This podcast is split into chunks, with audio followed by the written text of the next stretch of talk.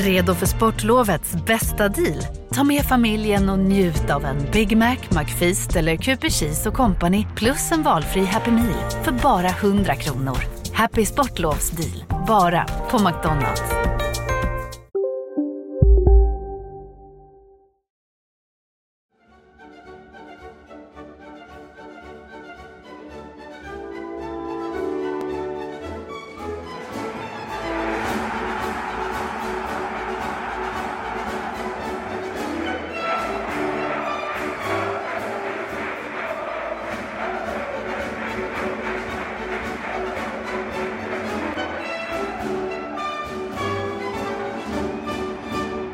En sån ångestladdad eftermiddag kväll det kommer att bli för båda lagen. Helsingborgs IF mot IFK Göteborg. Två storklubbar som slåss för att undvika nedflyttning, som slåss för att undvika eh, kvalplats, negativ kvalplats. Och så möter de, i fjärde match, möter de varandra i fjärde matchen från slutet det är fullt fokus på den här matchen i veckans avsnitt av HIF-podden. Och så har vi också en, en längre intervju, intervju med Andreas Langgren. En av eh, eh, spelarna som har varit med länge och som verkligen, verkligen andas HIF och har ett stort, stort hjärta för klubben. Det finns det fler som har, men Ja, då vet ni vad ni har att vänta. Marian Svab och jag, Mattias Hjelm, ska försöka lotsa er igenom det och ge er den information och våra åsikter och tankar och titta på återstående spelprogram och rubbet. Eller hur Marian? Välkommen hit och välkommen till er lyssnare.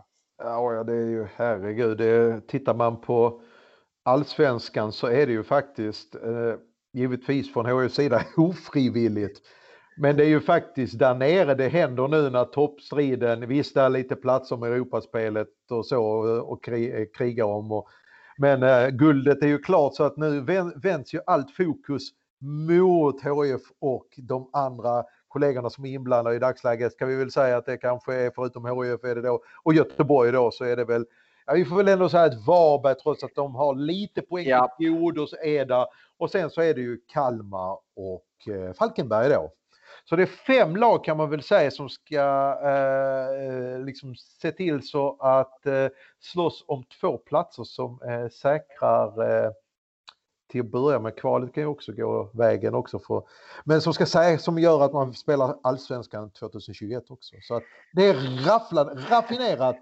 Ja, det, det, är det. Det är väl lika bra att vi, vi också redogör för er som lyssnar här hur tabellen faktiskt ser ut om ni inte har koll på det. Längst ner i, i botten där finns Kalmar just nu på 21 poäng. Man har minus 18 i målskillnad. Det är den sämsta målskillnaden. Och målskillnaden vet ni kan ju faktiskt nästan omsättas eller räknas om i en poäng om det är stor målskillnad. Eh, Helsingborg då en poäng före Kalmar, men på nedflyttningsplats 22 poäng, minus 14 i målskillnad. Falkenberg på negativ kvalplats, en poäng före HIF. 23 poäng alltså, minus 15 i målskillnad. Och så en poäng ytterligare upp då till säker mark, IFK Göteborg. 24 poäng, minus 13 i målskillnad. Och så då Varberg som du nämnde eh, Marian. Några poäng till godo, 28 poäng, minus 6 i målskillnad. Och där har vi det som jag också var inne på. Ni hör, minus 6 jämfört med minus 13, minus 15, minus 14, minus 18 i målskillnad. Det är nästan som en poäng till för Varberg där. Så visst, det är fem lag, men framför allt fyra. Och mellan Göteborg och Helsingborg skiljer alltså två poäng och ett mål till godo uh, för IFK Göteborg då. Oj, oj, oj. Det är svettigt bara att uh, tänka på det, Marian. Ja, det är det ju också och eh, där finns ju väldigt mycket likheter mellan resorna klubbarna har gjort, säsongsresorna klubbarna har gjort. Eh, förutom att då Göteborg har bytt tränare eh, till Roland Nilsson och eh, effekten kan vi ju diskutera. Eller ja, vi ska vara ärliga, det har ju inte blivit någon. Nej, det, var, det var någon match i början där som han eh, fick med man sig. slog Varberg, man slog med 1-0 eller om det var den matchen som Rolle tog över i. Och så. Men sen dess har det ju varit skralt med poäng och det jag har sett av Göteborg så ska jag faktiskt vilt erkänna att spelmässigt så var Göteborg bättre i våras och där ska HF vara väldigt glada att man kom undan med ett kryss på eh, Gamla Ullevi, eller Ullevi. Eh, och, eh, men det Göteborg som uppträder nu är, tycker jag, spelmässigt mycket sämre.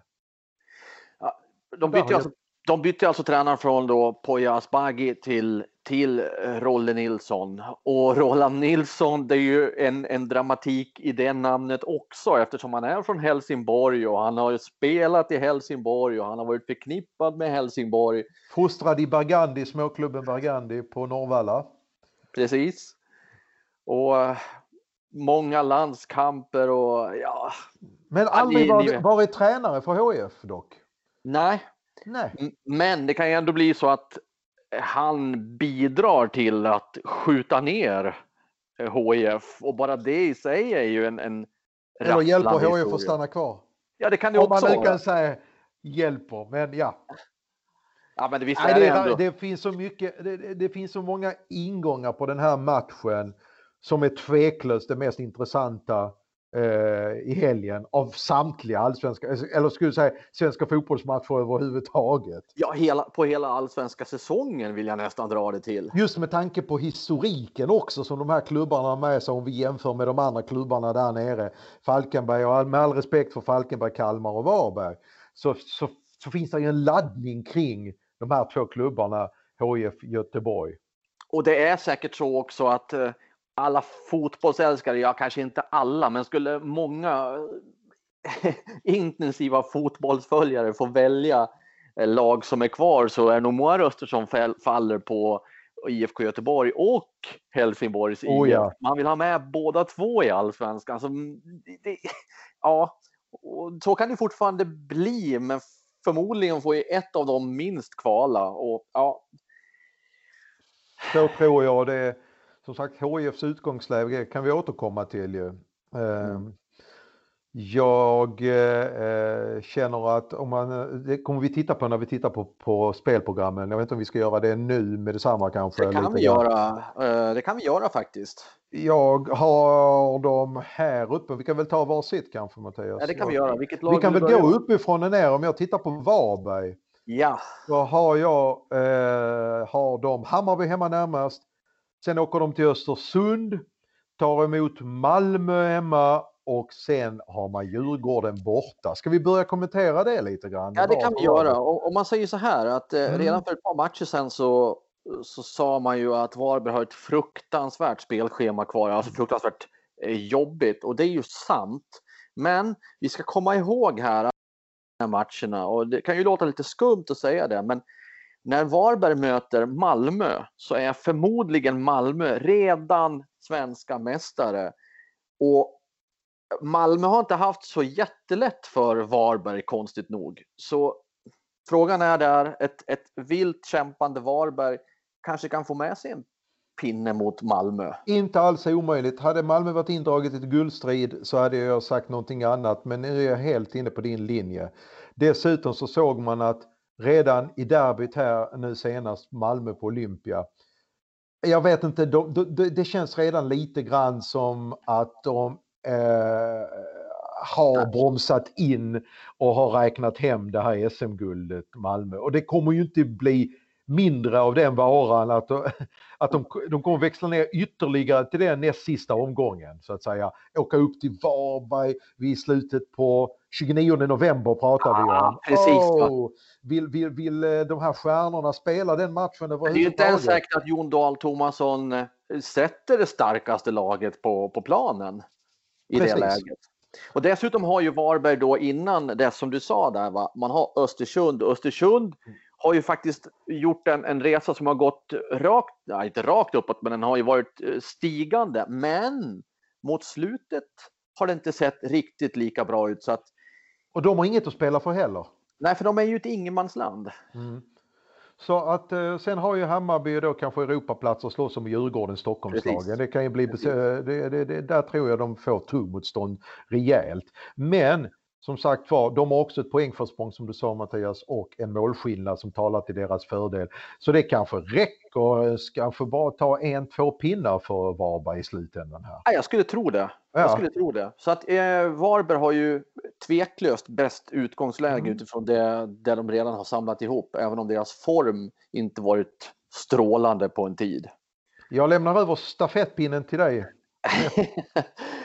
Ja, då ska vi ta nästa, nästa lag. Jajamän. Nedåt då. Ja. Ja, och då hamnar vi ju på IFK Göteborg. Och som ni vet så eh, är det ju HIF som är deras nästa uppgift. Sen har de ju ett svettigt Eh, nu ska vi se så jag läser rätt i mina papper. Ja, precis. De har ju ett svettigt derby mot Häcken sen. Och sen så ska de eh, möta Östersund och avslutar hemma mot Sirius. Så deras avslutande schema är ju inte superblodigt jämfört med en del andras spelscheman. Nej, kan de ta, ta sig IFK klara sig helskinnat förbi eh, HIF och derbyt mot Häcken mm. eh, så ser ju avslutningen klart hanterbar ut ju. Men, Men sen ska vi veta också att formen, Blåvitts form är rätt rutten. Eh, de har tre raka förluster om jag kollar rätt och det, det talar ju inte direkt för Blåvitt. Nej, det gör det faktiskt inte. Det, och, och, det är rätt så märkligt detta med, med Göteborg sett till vilket lag de faktiskt har och äh, hemvändare som har kommit och stora namn. Men, men äh, de har inte fått, fått ihop det. Det räcker inte med Jakob Johansson, Pontus Wernbloom och Mattias Bjärsmyr och allt vad de heter. Det, det, det, och ja, Alexander Farnerud, där har vi också en ingång i, i den matchen mot, mot HIF som, som ju inte fick vara kvar i HIF och nu är han i IFK Göteborg och kan vara med och, och förstöra för sin, sitt förra lag. Det som, är lite, det som också kan, kan, man kan tänka fundera kring lite grann är att Göteborg av sina 24 poäng har man spelat in 14 av dem på bortaplan. Eh, med det ligger man någonstans Intressant. i mitten. Ja, ja. Och, och, och, och, på hemmaplan har man tagit 10 och det är man näst sämst med i allsvenskan. Eh, om jag kikar här, ja just det. På bortaplan eh, har man tagit 14 poäng och där ligger man på, vad ska vi säga, 3, 6, 10 i tabellen på det. Men det är bara Kalmar som är ett sämre hemmalag än Göteborg. Att, det är det, faktiskt viktig fakta det. Ja, och om man tittar sen på vad, eh, motsvarande, för om vi tittar då på söndagsmatchen här så har vi ju en hemmatabell först och främst där HIF parkerar femma från slutet där man spelat in 14 poäng och sen är man ju på bortaplan är man ju bedrövliga. Där är man ju seriens sämsta lag med bara åtta inspelade poäng. Då är det alltså så att HIF trivs bättre hemma även om publiken inte får vara på plats yep. och Göteborg trivs bättre borta. Så det, det är också... Det, det, det, är, det, är också en grej, liksom ett, ett lager till eh, över den här matchen. Sen ska man ju veta det, alltså vi vet ju i dagsläget inte eh, hur HIFs eh, skadelista ser ut och frånvarolista. Nej, det är en följetong ju. Det är fullständigt är omöjligt att bena, bena ut i detta läget. Eh. Ja, det är det. det är det. Vi vet ju några och, och säkert är det så att Anders Lindegård inte kan vara med. Alltså, det här är ju en spekulation nu från min sida som ju grundar sig i, i hur det har sett ut mot slutet och han tvingades utgå i derbyt mot Malmö och var riktigt upprörd. Han kastade målvaktshandskarna ja. och frustrationen på att han inte får vara hel och spela var ju så uppenbar. Och det är klart, går man ut i, i derbyt mot Malmö i, i ganska tidigt skede ändå så, så ringer i alla fall klockor hos mig som säger att mycket, mycket tveksamt om han spelar eh, mot Göteborg. Vi får väl se närmare eh, här söndag hur det ser ut i HIF-läget. Men om jag tittar på nästa lag under Göteborg där så har vi Falkenberg på 23 poäng som då innehar den här kvalplatsen för tillfället. Yes. Där börjar Falkenberg nu eh, och de kan faktiskt sätta press på både Göteborg och HIF i och med att de spelar redan på lördag mot Elfsborg hemma. Elfsborg som inte trivs överhuvudtaget på eh, gräs, naturgräs. De är ett lag på, på, sin, på, på plastunderlaget och ett på gräs. Elfsborg har aldrig varit bra där. Eh, sen har HIF eh, Norrköp, eller Falkenberg Norrköping på bortaplan. Den är ju jättetuff ju. Ja, det är den. Eh, sen kommer då mötet med HIF på Olympia. Två bortamatcher, oh. Norrköping och HIF på bortaplan. Eh, mm. Falkenberg. Och sen avslutar man mot Mjällby hemma den 6 december. Ja, och, Kommentar ni, Mattias Hjelm. Ja, ni som har följt oss här i HIF-podden, ni vet ju att jag domderade ut att ah, Falkenberg kan vi räkna bort och, och ni konstaterade att nej, men Falkenberg kan man inte räkna ut bort och Hasse Eklund kan man definitivt inte räkna bort. Så de brukar komma på starkt på hösten och mycket riktigt, jag hade fel och ni hade rätt och nu är ju Falkenberg i, i rätt god form faktiskt. de ska Sju ta poäng på de senaste tre matcherna. Ja, ja se an, ta sig an de här avslutande. Plus en annan eh, fördel. Uh, ja. Falkenberg har befunnit sig i den här situationen allt som oftast när man har varit i allsvenskan. Nästan jämt. Nästan jämt och liksom de vet vad det handlar om här på, på, på hösten, vilken sorts fotboll och, uh, som krävs för att man ska hämta hem de nödvändiga poängen. Ja, det här är ju någonstans nästan så att de går in i en säsong och vet att ja, kommer vi där nere igen så vet vi hur vi ska agera. Det, det är nästan inprisat från start känns det ja. som när det kommer till Falkenberg. Falkenberg är ett stort hot mot både Göteborg och eh, HIF. Givetvis för att de även möter HIF. Ja, eh, precis. Och sen har man ju då i avslutningsmatchen Mjällby hemma och den avslutningsmatchen känns, känns ju betydligt eh, mildare än vad, vad HIF har i sin avslutningsmatch. Som jag ju kommer till nu när jag drar HIFs. Eh, det kan du få göra. Avslutande match. Har då 20, eh, Falkenberg ska tilläggas ha 23 poäng som vi nämnde tidigare då. Ja. Och sen kommer då HIF just nu på nedflyttningsplats och man möter Göteborg. Det har vi sagt många gånger nu.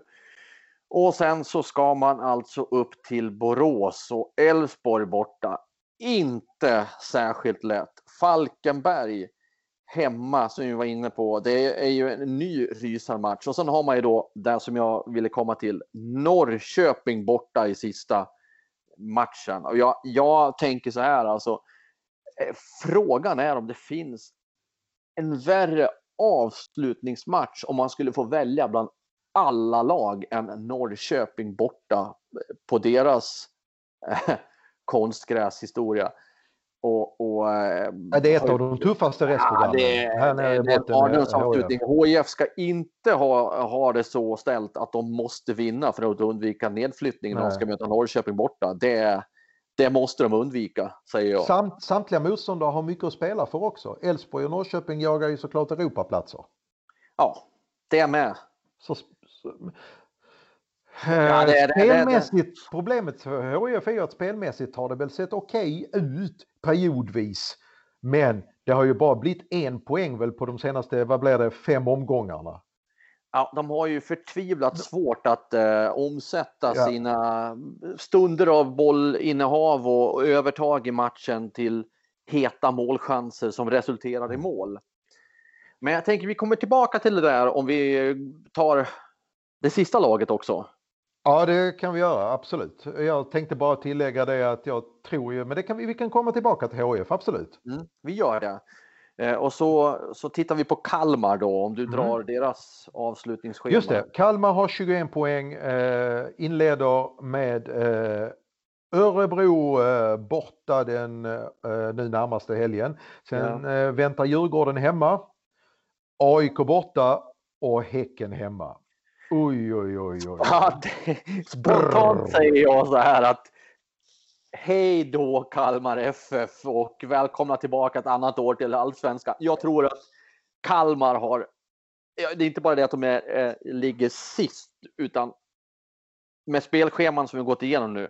Kalmar har absolut sämst utgångsläge på alla fronter. Ja, dessutom är man dåligt formmässigt. Man har inte tagit mycket poäng här, inte vunnit på väldigt länge och så har man då två bortamatcher dessutom mot två formstarka lag, Örebro och AIK. Jag kan inte heller se, jag, jag, jag, jag vågar nog också som du sticka ut hakan och säga att en av de två nedflyttningsplatserna är nog vikta tyvärr åt Kalmar. Eh, ja. i detta läget. Det, det, det, då, då krävs det någonting utöver det vanliga och det är inte så att man har ju sett Kalmar vinna en Eh, liksom, de börjar ju bra faktiskt, alltså där de mötte HIF och vann med 4-0 och i början lite grann, eh, men sen, sen här på slutet har det ju varit i, ah. Mm. Kan... Ah. Eh, jag tänker så här nu Marian, att eh, mm. nu ska vi trycka in Andreas Langgren här, mitt snack med honom under ett antal minuter. Men innan vi, låter, ja, innan vi låter honom få, få prata om sig själv, om eh, tabelläget och om hur han upplever situationen och engagemanget som finns i laget för att reda ut det här. Så Marian, Andreas Langgren som har kommit tillbaka efter en, en svår knäskada. Eh, vad, vad, vad, tror du att han betyder i det här läget innan vi låter honom själv få komma till tals? Ja men det var ju ganska tydligt eh, vad som saknades mot eh, Malmö, en viktig ingrediens i ett derby. Och det var det här brinnet för klubbmärket. Jag såg i princip Abu Bakari och faktiskt eh, unga Alex Timossi då som är ett lån. Men han, har ju, han är ju fostrad i HIF och han har ju Eh, liksom, det ligger i släkten det här med HIF och så va. Och de har en viss känsla för klubben. Sen har du kanske spelare som kanske inte har varit här lika länge och som kanske, ja, det är tråkigt att förlora ett derby mot Malmö, men ja, det är vad det är. Och där, där, där, tror jag att Andreas Langgren har en stor betydelse för, jag tycker det är märkligt att han inte eh, har fått spela, alltså att han till exempel mot Malmö att han, kom in, att han skulle kommit in tidigare till exempel för Brando Henriksson som var helt slutkörd efter en timme. Uh, och, och, och, och, är det någonting, och, vi såg ju liksom de inhoppen Langen har gjort i Varberg när han spelar fram Rasmus, det avgörande 3-1 så. Uh, han var, uh, han var bra i Svenska cupen även om de mötte Halmia. Men det som, när Langen har kommit in har det blivit, men han, han har en energi som, där han kan dra med sig folk i miljön i och med att han har varit med så länge. Och sen har, är han ju såklart en kulturbärare här och vet vad HIF betyder. Så, men det, det lär han ju säkert få prata eh, om nu när vi lyssnar på honom. Ja, och det var rätt intressant här. Du och jag har ju inte pratat oss samman innan det här, den här inspelningen av HIF. Nej, jag har verkligen inte hört det, det kan nej, jag försäkra. Nej, nej, precis. Och du använde ordet brinn. Precis det ordet har jag med i en fråga lite längre fram i intervjun. Men den första frågan till Andreas Langgren, det var utifrån eh, det här året som han har upplevt, hur, hur, hans, hur läget är helt enkelt med honom nu. Där startar intervjun. Eh, god lyssning. Läget är, ja om man bortser från vårt eh, tabelläge så är personligen så är läget bra med mig. Eh, det är det. Gnyar gnuggar på i veckorna här och just nu försöker förbereda mig för den viktiga matchen på söndag mot Göteborg. Ja, om vi börjar med ditt läge så var det ju så att du gjorde ju allsvensk, allsvensk comeback från start på, på väldigt lång tid mot Häcken och så blev det ju en, en jobbig historia där för dig. Ta, ta oss vidare därifrån till, till idag. Ja men precis som du säger, första starten på väldigt länge och eh, kommer ifrån en eh, segdragen knäskada. Eh, säsongen har gjort lite att vi inte har kunnat ha de här U21-matcherna som vi annars har och eh, i ett, eh, på ett normalt år så hade jag fått lite U21-matcher i mig innan jag klev in i A-lagssammanhang. Och det gör väl att kroppen tar lite längre tid att komma igång ordentligt och vara förberedd för de här den här påfrestningen som ändå de allsvenska matcherna är för kroppen och det gör väl att det kommer lite sådana här följdskador som, eh, som man får handskas med efter en så lång, långtidsskada. Och sen så fick du göra ett par minuter mot Malmö. Ja, precis. Det, ehm, jag hade ju missat Örebro borta där och kom väl precis in i träning igen innan Malmö-matchen här och härligt att få komma in såklart men uh, ett uh, mindre roligt resultat. Mm.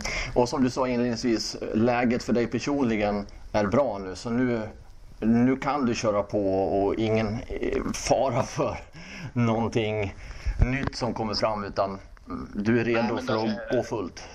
Där är ju... Vi är specialister på det vi gör, precis som du. Därför försäkrar vi på Swedea bara småföretag, som ditt.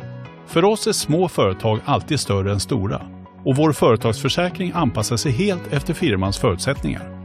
Gå in på swedea.se företag och jämför själv.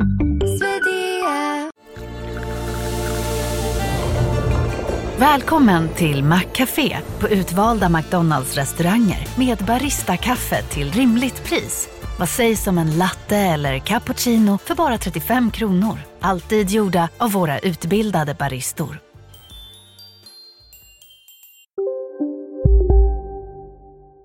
Eh, precis som jag förklarade innan så är det lite uh, speciellt läge med uh, belastningen som man ska igång och ha. Mm. Förhoppningsvis så ska jag kunna köra på bra med träning här inför Göteborgsmatchen och kunna vara med ordentligt i, i truppen där. Innan vi tittar specifikt på Göteborgsmatchen så nämnde du tabelläget som inte känns lika bra, vilket är fullt förståeligt. Eh, sist just nu är Kalmar på 21 poäng, minus 18 i målskillnad. Ni ligger näst sist, också på nedflyttningsplats just nu, på 22 poäng, minus 14 i målskillnad. På kvalplats, negativ kvalplats då, finns Falkenberg på 23 poäng, och minus 15 i målskillnad. Göteborg precis ovanför på säker mark 24 poäng, minus 13 i målskillnad. Och så Varberg får vi räkna in i det här eh, bottenracet på 28 poäng och minus 6 i målskillnad. Va, vad säger du eh, om den här kvintetten lag och eh, vad som är kvar av allsvenskan? Ja, men precis som du beskriver så är det ju väldigt jämnt där nere. Um, och Eh, vi går in i eh, ett avslutningsrace här med fyra extremt viktiga matcher med start på söndag. Eh, och jag tror det kommer bli ett eh, race hela vägen in i mål liksom. och där ska vi se till att eh, vara framför de här lagen som vi, vi nämner. Och först och främst klara oss bort från den här direkta nedflyttningsplatsen där vi ligger idag men såklart också försöka nå platsen ovanför kvalet så att vi slipper kvala. Hur mycket koll har du på alla era fem lags eh, återstående program? Inte så jättebra koll faktiskt om jag ska vara ärlig. Det, det är en klyscha men eh, i detta läget så tror jag att eh, vägen framåt är att koncentrera oss på vårt eget och börjar man stirra sig blind eh, för tidigt här på, på vad de andra lagen har för matcher kvar och sitter och räknar så eh, tror jag bara det tar onödig energi från vårt eget. Så jag ska inte rabbla upp programmen för, för lagen här för dig? Det fyller ingen funktion? Nej, jag tror inte det. Det blir spekulation. Man ser här eh, att eh, förra omgången när vi har ett Falkenberg som vinner över Djurgården hemma. Det är, mycket, det är, I slutet av en serie så kan mycket hända och jag tror det kommer göra det också. Så att, jag, att börja spekulera för mycket det tror jag bara är onödigt. Om vi tittar på er nästa motståndare då, IFK Göteborg som ni har hemma. Nu pratar vi alltså två stora föreningar, storlag i Allsvenskan eh, i modern tid och ja, även bakåt i historien. Alltså vi journalister vi pratar ju om en oerhört ångestfylld match när två sådana här kombatanter ska göra upp. Finns det någonting i det här som du som spelare kan känna av? Um, självklart så är man väl medveten om läget och hur viktig den här matchen är. Uh, sen man nog gå från spelare till spelare och få fråga hur känslan är inför en sån match. Men det är klart att man vet om läget. Eh, även jag som har varit med i x antal år på denna nivån eh, känner att eh, det är en extremt viktig match vi laddar upp inför. Så att det, och det tror jag samtidigt är viktigt att känna lite extra inför den här matchen och vara väl medveten om allvaret i den. Det är ju oundvikligt, Andreas, att ställa den här frågan jag nu ställer. Och du kanske har förståelse för det också och du har fått svara på den tidigare. Men det går nästan inte att komma ifrån att HIF har varit i en liknande situation nyligen 2016 och då slutade det inte väl. På vilket sätt skulle du säga att det är mer fördel att ni ska greja det det här året än då för fyra år sedan? Jag tror jag har svarat på liknande fråga ganska många gånger de senaste veckorna här och jag står väl fast vid att det är svårt att dra exakta paralleller mellan de här åren. Uh, om man ska försöka göra en jämförelse så, så tycker jag i dagsläget vi har ett um, Eh, en kvalitet i vårt spel, eh, i vårt egna spel som ska kunna göra att vi eh, klarar oss ur den här situationen. Jag tycker vi spelar bättre än vad vi gjorde 2016.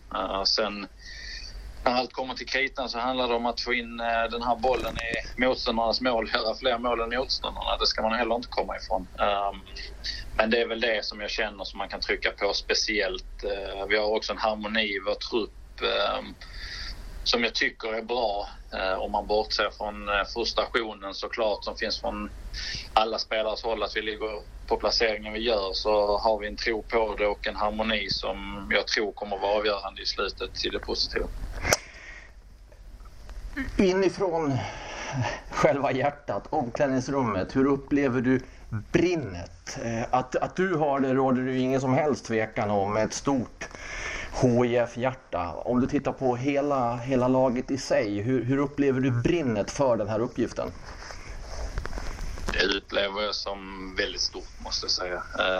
Um, det är en grupp som hela säsongen egentligen, trots de här eh, svårigheterna vi har haft resultatmässigt, uh, hela tiden jobbar mot att hitta vägar framåt. Och jag tycker att alla är väldigt dedikerade mot eh, det också. Eh, sen eh, bevisligen så har vi inte gjort tillräckligt bra ifrån oss eh, till idag så att alla är väldigt eh, inställda på att göra det betydligt bättre de här sista matcherna.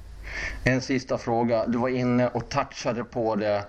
Ni har spelat bra i långa stunder i, i olika matcher men inte fått med resultaten och, och, att det handlar om, precis som du sa, att göra fler mål än motståndaren ni har haft väldigt svårt att omsätta ett övertag i spel eller ett bollinnehav till heta chanser.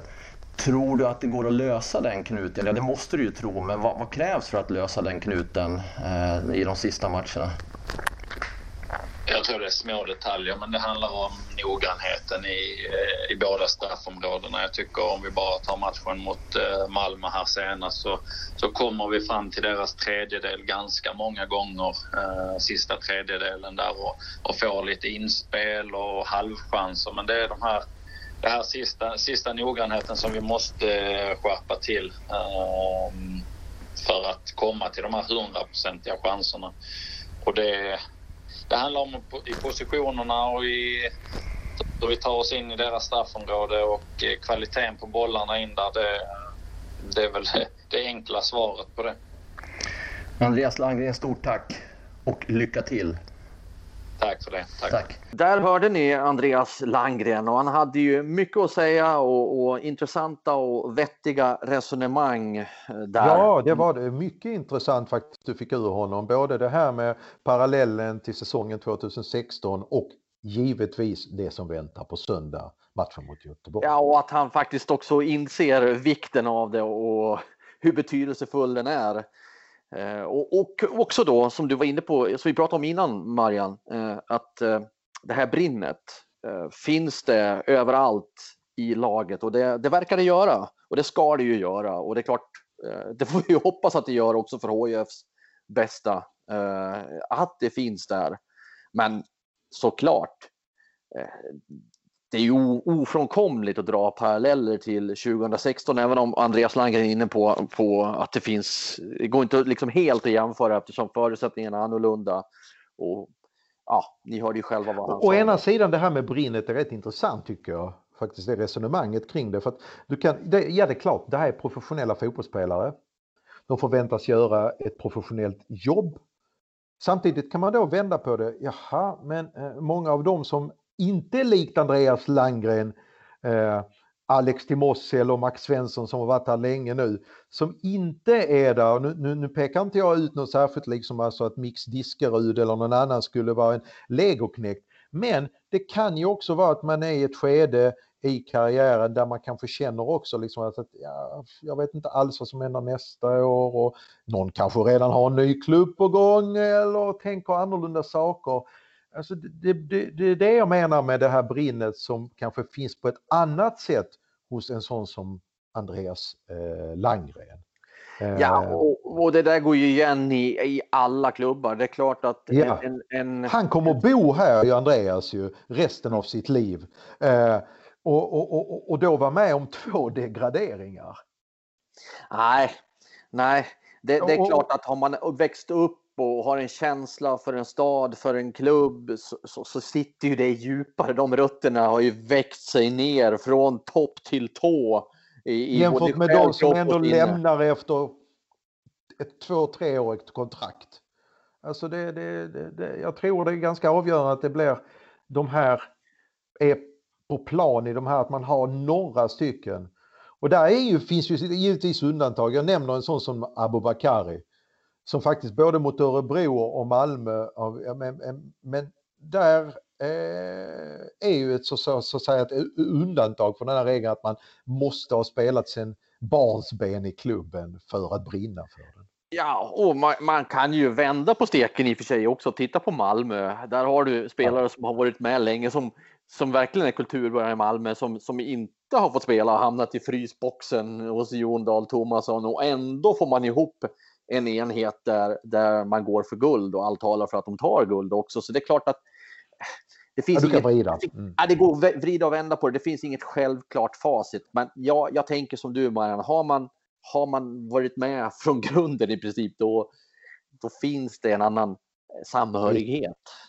Mm, nu talar jag mot mig själv här igen och säger då liksom alltså att jaha, det måste, hade det bara utgått ifrån klubbkänslan och så, då borde Göteborg vinna med ett par bollar på söndag. Med tanke på vilka gubbar som bär deras tröja. Ja, eh. och, och jag tänker att det kan ju faktiskt också slå så att eh, man brinner så mycket att det kanske, kan, att, kanske låser sig. Ja, precis alltså. Man För man vill så, klubben så väl att det får inte hända det värsta och mm. så får man ju inte tänka. Nej, det, alltså, men vi kan väl vara överens i alla fall om att på, på söndag, eh, det liksom det här mentala spelet kommer ju bli spännande att se. Ja, det eh, och där har ju jag ju efterlyst lite grann den här elakheten som jag saknade i derby från eh, många håll och kanter. Eh, nu kommer ju eh, Göteborg dit med kanske, liksom, nu är han kanske lite äldre och kanske inte lika eh, opolerad och elak men Pontus Wernbloom eh, är ju någon slags eh, spelare som gärna kryper innanför huden på eh, ja, och, det, och det som är förvånande det är att eh, de här namnen och inte minst Pontus Wernbloom då, att de inte har lyckats få den här, kanalisera den här energin till, mm. till poäng för Göteborg. Så det är, ju, det, är ju, det är ju gåtor där också. Ja, nu är de i ett sånt läge där det som sagt var, där Göteborg, eh, där det är andra faktorer som spelar in lite grann. Det är det här mentala spelet. Eh, och det är ja, och... för HIF också. HIF har ju faktiskt, som sagt har spelmässigt tycker jag HIF har gått åt andra hållet. Göteborg tycker jag har blivit sämre under säsongen. Men HIF har ändå gjort, haft perioder här nu efter, eh, liksom under hösten här där man känner att sen har man inte fått betalt för spelet på grund av att man är så trubbiga i, i, i, i, i den viktigaste delen kanske av spelet. Nej, det var väl som, som Dplay-kommentatorerna sa eh, mot Malmö att även om det var spelövertag för, för HIF så blev det bara kvartschanser av det hela. Ja, förutom den här nicken då. Men, men eh, som... Men det är väldigt sällan man kände och det, och det har ju varit oftast problemet med eh, HIF. Eh, det är sällan man har känt så här att nu kan det hända någonting här. Nu kan det hända någonting för att oftast den här possession grejen HIF håller på med motståndarna styr ut, alltså de håller på med den här eh, uppbyggnaden och passningsspelet på ofarliga ytor. Jag tycker det, det, det kommer för lite hot eh, någon annanstans för att det här eh, bolltrillandet ska vara leda till någonting helt enkelt. Ja, och en annan sak jag tänkte på mot Malmö det är ju att de skapade ju sig eh, chanser i form av en mängd hörnor. Jag undrar om inte det var 13 stycken om jag minns rätt här nu. Och man har ju alltså en av allsvenskans bästa vänsterfötter i Martin Olsson som slår många av hörnorna och man ändå inte kan omsätta fler av dem i, i riktigt farliga chanser, då, då behöver man ju hitta någon, någon, någon annan ingrediens och det försöker de ju säkerligen göra också i, i spelet. Jag saknar ju Rasmus Jönsson i detta läget, uh, Mattias, på, i en sån här match på söndag. För nu, han var på väg uppåt när den här skadan och uh, han kommer ju inte vara med på söndag ju, uh, troligtvis. Uh, och Andreas Granqvist då är borta sedan tidigare och Kalle Joelsson. Ja. Uh, sen vet vi ju inte som sagt var övriga hur det ser ut. Men Keba Cissa är tillbaka ju. Ja, det är ju ett plus. Ett, ett plus ja. Även om Ravisuka faktiskt klarade sin, sin roll ja. bättre än vad man kanske hade trott på förhand. Men och sen så är inte... Och Alex Nilsson är inte helt färsk i målet heller. Han har ju trots allt ett par nu allsvenska matcher under bältet. Mm. Sen att man skulle sen att en frisk Anders Lindegård eh, håller en högre nivå, det är just så är det ju. Men Rasmus Jönsson hade jag gärna sett för att få fart lite grann på anfallsspelet här igen. För jag vet inte i ärlighetens namn, HF måste ha fler vapen i fickan än att bara skicka in inlägg från kanterna. Knacka ut på kanten till Ceesay eller till Adam, skicka in eller få till ett inlägg från Martin Olsson. Alltså de måste få till både ett djupledsspel, Precis. mer folk in i boxen, mer hota bakom Göteborgs backlinje och så som, som det var nu när, mot Malmö. Malmös backlinje, liksom, då ska man veta att Malmö var inte speciellt bra nu i måndags. Men Nej, det var de verkligen inte. De hade det ganska bekvämt eh, där bak liksom. Eh, på grund av att HIF Uh, ju, ju, liksom, det var nästan så att ibland Malmö, jag känner att Malmö väntade, ja men ska ni inte komma någon gång med någonting? Mm. Nej. Och det är det, HF måste komma med någonting här nu på söndag. Någonting mer om jag säger.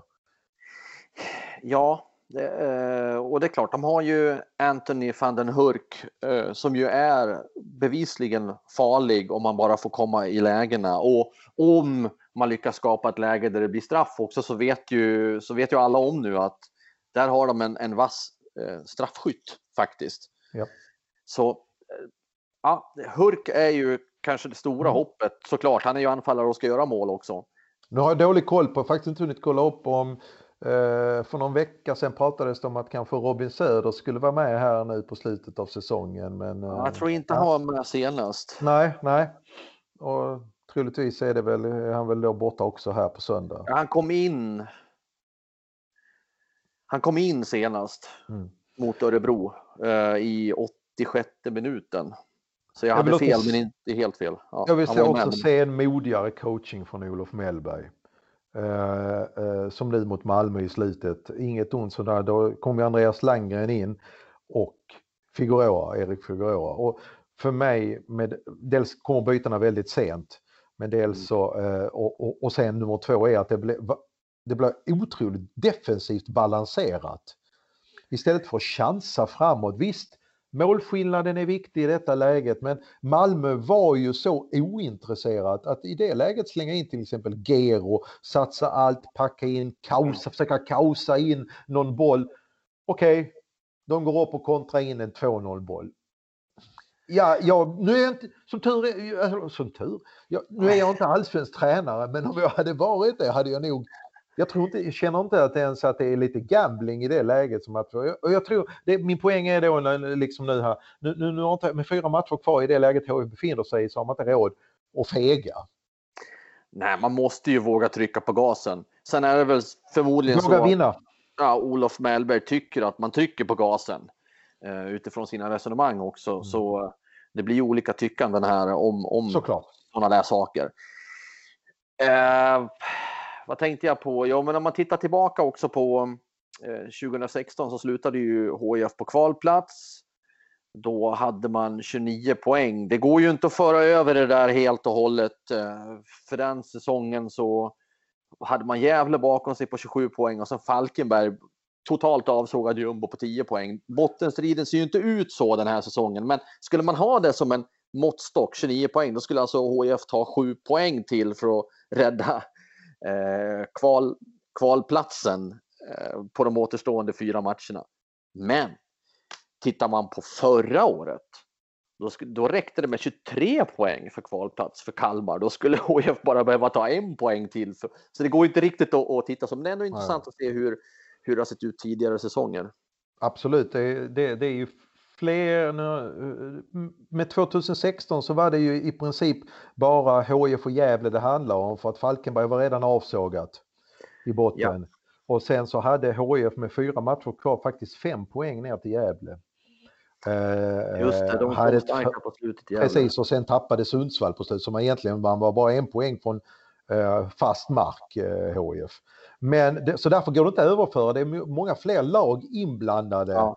Eh, och, och, och, där lagen också här nere möt, ja okej, okay, HF mötte Falkenberg den gången, det kommer jag ihåg, man vann med 4-1 borta. Men det går inte, jag håller med dig, det går inte att jämföra.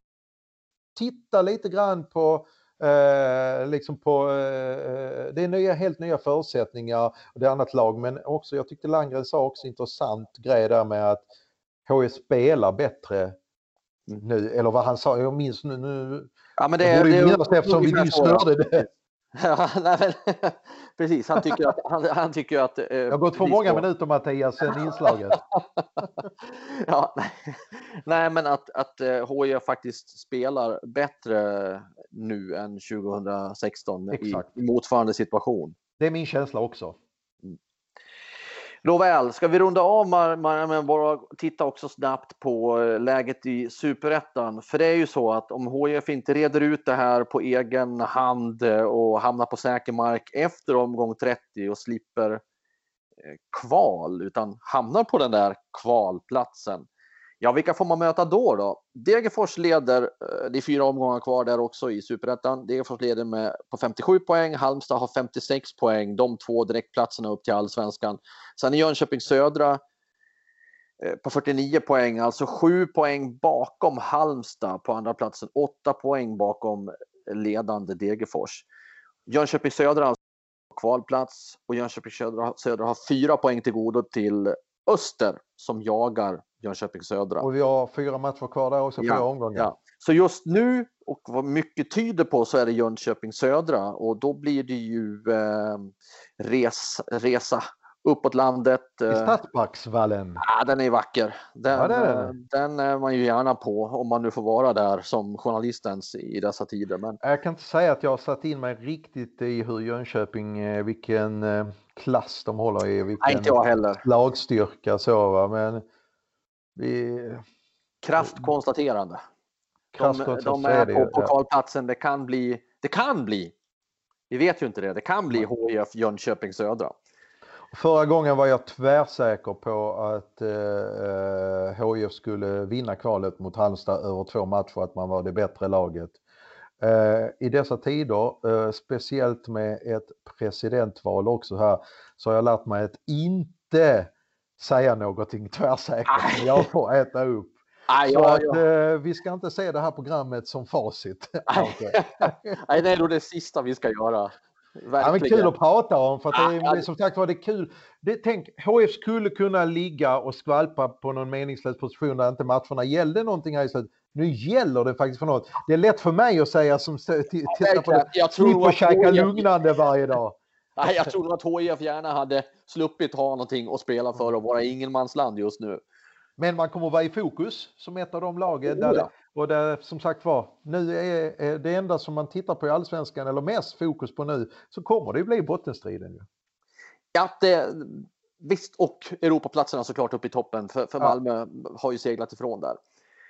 Ja, det, blev, det blev mycket snack om det här. Hoppas ni har hängt med i allt detta. Många, många, många lag, många siffror, många platser, många poäng, många eh, ja, mål och inte mål att hänga med i. Men eh, tack för er uppmärksamhet säger vi. Och så, så ser vi alla fram emot på, på varsitt håll eh, den, den ångestfyllda matchen mot IFK Göteborg på söndag. Hej med er!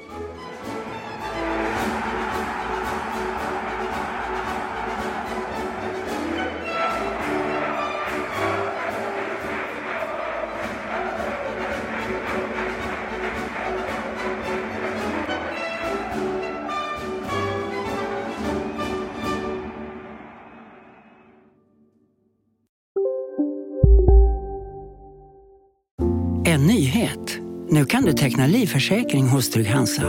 Den ger dina nära ersättning som kan användas på det sätt som hjälper bäst. En försäkring för dig och till de som älskar dig. Läs mer och teckna på trygghansa.se. Trygg Hansa.